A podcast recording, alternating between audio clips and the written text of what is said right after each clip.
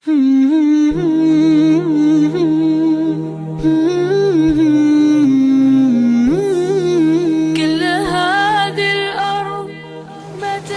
masalahnya apa ini dengan kemunafikan? Sama. Orang munafik itu pak mungkin tidak minum khamr. Allah nggak nyebutin orang munafik yang minum khamr. Allah nggak nyebutin. Kalau Bapak perhatikan, karena Imam Ibnu Qayyim menceritakan 47 kali Allah mengulang kata munafik di dalam Quran. Kata munafiknya saja. Maka kemudian Allah ketika menyebut sampai 47 kali di dalam Quran, Allah tidak menyebut munafik itu minum khamr. Enggak. Allah tidak menyebut orang munafik itu mereka berzina. Enggak pula. Allah menyebut orang munafik itu kemudian mereka melakukan kedoliman, mukul. Enggak. Tapi Allah selalu menyebutkan kejahatan, keyakinan mereka itu. Makanya kemudian kemunafikan itu orang munafik. Maaf loh, dia tidak melakukan kejahatan dengan kelaminnya, dia tidak melakukan kejahatan dengan tangannya, dia tidak melakukan kejahatan dengan kakinya, tapi dia melakukan kejahatan dengan hatinya. Itulah tindakan, itulah tindakan subversif dia kepada Allah. Harganya harganya apa? Mahal harganya di sisi Allah itu. Makanya jangan main-main dengan hati. Hati itu tempatnya yang paling penting. Kalau hati kita sampai kemudian rusak, rusak amal itu. Wong kita niat itu walaupun anak dan antum berjihad, nyari ilmu, sedekah, tapi kalau hati kita rusak, niat kita itu bercabang antara Allah dengan niatan manusia. Allah tidak butuh amal kita walaupun menjulang tinggi sampai nyentuh pintu langit. Allah tidak butuh. Kenapa? Allah paling benci ketika ridhonya itu disamakan oleh manusia di dalam hatinya, disamakan dengan pujian manusia. Mana ada ridho Allah di atas arah disamakan dengan pujian manusia. Makanya Allah tidak main-main walaupun kita jihad, ditolak, nggak akan masuk surga. Ketika sudah salah niat. Hati itu mahal harganya. Makanya kalau kemudian kita menghadapi orang munafik, maaf loh, orang munafik itu masya Allah mungkin dia tidak pernah minum khamar ini yang khamar enggak. Saya suka mabuk, mau naik bis aja mabuk kok dikasih khamar. Tapi walaupun kemudian mereka itu kemudian semacam itu, hati mereka itu benci. Itulah yang kemudian ingin saya sampaikan. Kenapa orang munafik Ustaz itu kemudian dikekalkan dia di dalam neraka? Karena dahsyatnya kejahatan mereka kepada Allah itu dengan hati dan pikiran mereka itu tidak pernah putus. Ya, nah, supaya kemudian kita lalu kemudian nggak bingung gitu, oh, kok ini dikatakan nih faksi perbuatannya dia kan nggak minum khamr loh orang minum khamr itu lebih baik daripada orang munafik. Bukan berarti setelah ini minum khamr, enggak. Orang berzina itu lebih mulia daripada orang munafik iktikadi. Kenapa? Karena orang yang berzina itu terkadang dia menyesal, Pak. Habis itu nyesal, nangis dia. Berapa banyak pezina yang kemudian mereka itu menangisi sisa hidupnya dengan tangisan ketika mengingat semua perbuatan dosa yang dia lakukan hanya untuk mendapatkan kenikmatan sesaat. Banyak orang yang berzina mereka kemudian menyesal. Tapi orang munafik malah justru tidak menyesal. Kenapa? Dia merasa benar dan orang munafik tadi dikatakan Hasan al Basri, orang munafik itu orang yang melakukan kenifakan, tetapi ketika melakukan kenifakan dia itu tidak sadar kalau dia telah menjadi munafik. Makanya tidak pernah rasa takut kepada kemunafikan. Jadi itu yang kemudian kita harus pahami. Ya, jadi orang munafik yang kedua yang kita harus mengerti tentang orang munafik, orang munafik itu ternyata mereka itu kemudian ada dua munafik amali, munafik iktikadi. Munafik secara amal, munafik secara amal tidak mengeluarkan seseorang dari agama Allah. Ada yang kedua munafik secara iktikadi. Munafik iktikadi inilah yang bahaya dan inilah yang banyak tersebar. Banyak jumlahnya Ustaz, banyak. Oh pada zaman Rasulullah aja banyak kok. Dan semua nama-namanya itu Nabi tidak pernah menceritakan loh. Ingat Nabi tidak pernah menceritakan. Dan ingat Nabi juga tidak mau vonis. Makanya kita jangan sampai gampang memfonis mengatakan anta munafik.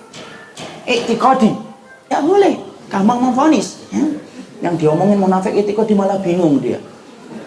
Dia nanya sama temannya, saya dibilangin munafik iktikadi. Nabi tidak pernah mengatakan munafik iktikadi sama orang. Bahkan Abdullah bin Ubay itu semua sahabat itu sudah ngerti nggak kejahatan Abdullah bin Ubay? Ngerti kejahatan Abdullah bin Ubay. Tapi Nabi pernah kemudian mengatakan kepada Abdullah bin Ubay langsung, "Anta munafik?" Enggak. Tapi semua orang, semua sahabat itu tahu semua Quran surat At-Taubah, surat An-Nisa, surat Al-Munafikun turun kepada siapa? Turun sama dia. Saking hati-hatinya Nabi. Bahkan peristiwa luar biasa itu anaknya Abdullah bin Ubay itu sampai nawarin kepada Nabi ya Rasulullah, kalau saya ini mendengar bahwasanya engkau akan membunuh Abdullah bin Ubay, biarkan saya ya Rasulullah yang memenggal kepala ayah saya. Daripada kemudian dibunuh sama orang lain, kemudian saya dendam sama orang itu. Biarkan saya. untuk membuktikan iman saya, saya penggal kepala ayah saya. Tapi Rasulullah berkata apa? Jangan. Nanti orang ngomong gimana bahwasanya Muhammad telah membunuh sahabatnya. Artinya kemudian bukan berarti kita langsung gampang memfonis orang itu. Tidak boleh dengan gampang-gampang itu. Tapi di situ kita paham kemunafikan itu masya Allah semacam itu. Makanya dahsyat betul. Bagaimana kemudian akibat yang ditimbulkan mereka? Iya. Sekali lagi saya katakan hari ini orang kafir pak menang di atas kaum muslimin. Itu bukan hakikatnya mereka kuat. Enggak. Oh mereka itu mencari kehidupan dalam kehidupan kok. Adapun orang yang beriman itu mencari kehidupan dalam kematian ketika mereka berjuang. Itulah bedanya. Tapi orang munafik, tapi orang kafir itu menang. Karena banyaknya orang munafik yang kemudian membantu mereka. Selalu gitu. Selalu gitu dalam setiap perputaran zaman itu selalu begitu. Makanya dalam perang Ahzab, perang Ahzab itu, maka orang munafik itu kemudian berperan juga untuk kemudian menjadikan saat itu terkepung betul-betul. Itu ya orang munafik. Tidak main-main. Dan ingat ikhwan, orang munafik iktiqadi itu, mereka itu pinter. Mengelola berita itu pinter berita kecil menjadi besar. Kalau sama orang munafik itikad itu menjadi besar. Semua celah bisa dijadikan menjadi celah untuk menghancurkan Islam. Mana dalilnya Ustaz? Loh, kita ambilkan dalil. Yaitu dalilnya adalah ketika kita mendapati mendapati Ibunda Aisyah dituduh berzina. Waliyadzubillah nasallallahu alaihi subhanallah amma yasbun. Ah, suci Allah. Ibunda Aisyah, penghuni surga, itu dituduh berzina. Padahal asalnya itu ringan, ikhwan. Masalahnya itu ringan tapi pintarnya orang munafik untuk mengelola berita, lalu kemudian menggemparkan itu. Baca ini di dalam tafsir surat An-Nur itu kita membacanya. Jadi saat itu di dalam Ghazwatul Banil Mustalik, Nabi kemudian berperang tanpa ada kontak fisik. Nabi kemudian mundi lah siapa istri-istrinya yang mau ikut bersama Rasulullah. Kemudian keluar nama ibunda Aisyah. Ketika perjalanan pulang itu karena kemudian istrinya Nabi dalam peperangan dulu itu artinya boleh nggak seorang suami, eh, seorang istri itu keluar bersama suaminya dalam masalah-masalah misalkan berjuang, misalkan menuntut ilmu dan kemudian yang lainnya boleh. Karena ibunda Aisyah ikut dan istri-istrinya Rasulullah ikut. Mereka ditempatkan di haudaj. Haudaj itu apa? Tandu. Ditempatkan dalam tandu. Naik ke tandu, perjalanan pulang, tandu itu berhenti di satu tempat sebelum masuk ke kota Madinah. Tiba-tiba ibunda Aisyah meraba, oh ternyata kalungnya jatuh. Kemudian beliau menyibak tirainya, keluar dari kemudian tandunya mencari di mana kalungnya. Rasulullah tidak ngerti kalau ibunda Aisyah itu turun. Rasulullah memberikan aba-aba, jalan. Tandu itu kemudian diangkat, kemudian jalan. Mungkin yang bertanya, emang apa tidak merasa atau Ustaz? Tidak, karena ibunda Aisyah sangat langsing banget saat itu. Loh, saya sebutkan dalam tafsirnya gitu, saya nggak mau menutupi kebenaran. Makanya kan kita lihat kan di awal-awal ketika lari sama Nabi yang menang Ibunda Aisyah atau Rasul. Ibunda Aisyah ketika sudah lama kemudian baru Rasulullah menang karena Ibunda Aisyah sudah mulai tambah beratnya. Maka kemudian saat itu Ibunda Aisyah itu langsing orangnya. Maka ketika turun dicari beliau tidak sadar terlalu jauh dari tempatnya dan tidak sadar pula rombongan itu berangkat. Balik lagi Ibunda Aisyah untuk kemudian ke tempat tadi mendapati haudajnya sudah berjalan dilihat hitam titik hitam. Lalu ibunda Aisyah berkata lah nanti juga balik kalau dibuka tendanya tidak ada. Dibuka cadarnya karena saat itu sudah ada syariat hijab. Buka. Ternyata ada seorang sahabat Sofan bin Mu'atal di belakang. Sofan bin Mu'atal di mana kemudian kalau kita melihat tafsirnya kenapa Sofan bin Mu'atal kok ketinggalan di belakang? Ada yang mengatakan atau riwayat karena beliau itu suka tidur dalam perjalanan. Ya Kemudian riwayat yang kedua ada yang mengatakan beliau memang diberikan amanah untuk membersihkan apa yang tertinggal ketika pasukan berjalan, pasukan penyapu. Saya cenderung kepada pendapat yang kedua. Ala kuliah tadi cuma para ahli tafsir mengatakan gitu. Kemudian ketika jalan naik ontanya dia melihat dan saat itu ibunda Aisyah sedang membuka cadarnya. Kemudian ketika melihat, loh itu Aisyah, ibu saya. Kenapa? Semua ibunya, semua istrinya Rasulullah adalah ibu kita. Tidak ada kalimat apa pun kecuali satu, kalimat al-istirja. Inna lillahi wa inna ilaihi rajiun. Kaget. Ibunda Aisyah ngerti, kemudian langsung ditutup. Lah kok tahu itu Ibunda Aisyah? Karena Sofan bin Mu'attal sudah tahu Ibunda Aisyah sebelum ayat hijab diturunkan. Sudah, kalimat yang diucapkan apa? Tidak apa-apa. Dia kemudian perintahkan ontanya untuk duduk, kemudian Ibu Aisyah dipersilakan oleh Sofan bin Mu'attal untuk naik dan tidak terjadi pembicaraan apa pun dari tempat itu sampai ke Madinah. Ngobrol Ustaz? Enggak. Enggak ngobrol. Kok ketinggalan, Bu? Iya nih tadi nyari kalung. Enggak. Kalau di dalam tafsirnya enggak ada itu. Jadi betul-betul kalimat istirja yang disampaikan oleh Ibunda eh Sofyan bin Mu'attal sudah innalillahi wa inna Udah, Paman Bu Mu'attal juga nggak nanya apa-apa. Sebenarnya kan masalahnya ringan, ikhwan. Sampai ke Madinah selesai, ringan sebenarnya.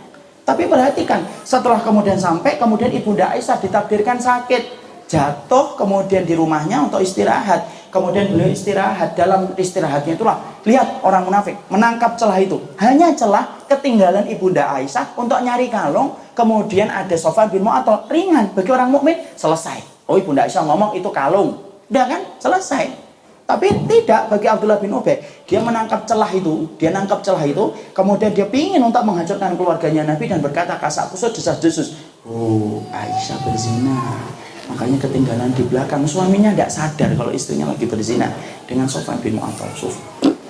Pinter, tidak pinter. Bung sampai kemudian berita itu tersebar ke seluruh penduduk Madinah kok. Di mana penduduk Madinah itu sahabat ikhwan. Kalau sahabat saja saat itu sampai ada yang terbeli, ada yang tergelincir. Ada yang mempercayai. Siapa yang mempercayai? Hasan bin Sabit, Mistah bin Usasah radhiyallahu anhuma. Hasan bin Sabit itu tukang syairnya Nabi. Mistah bin Usasa itu kerabatnya Abu Bakar, masih saudaraan sama ibunda Aisyah.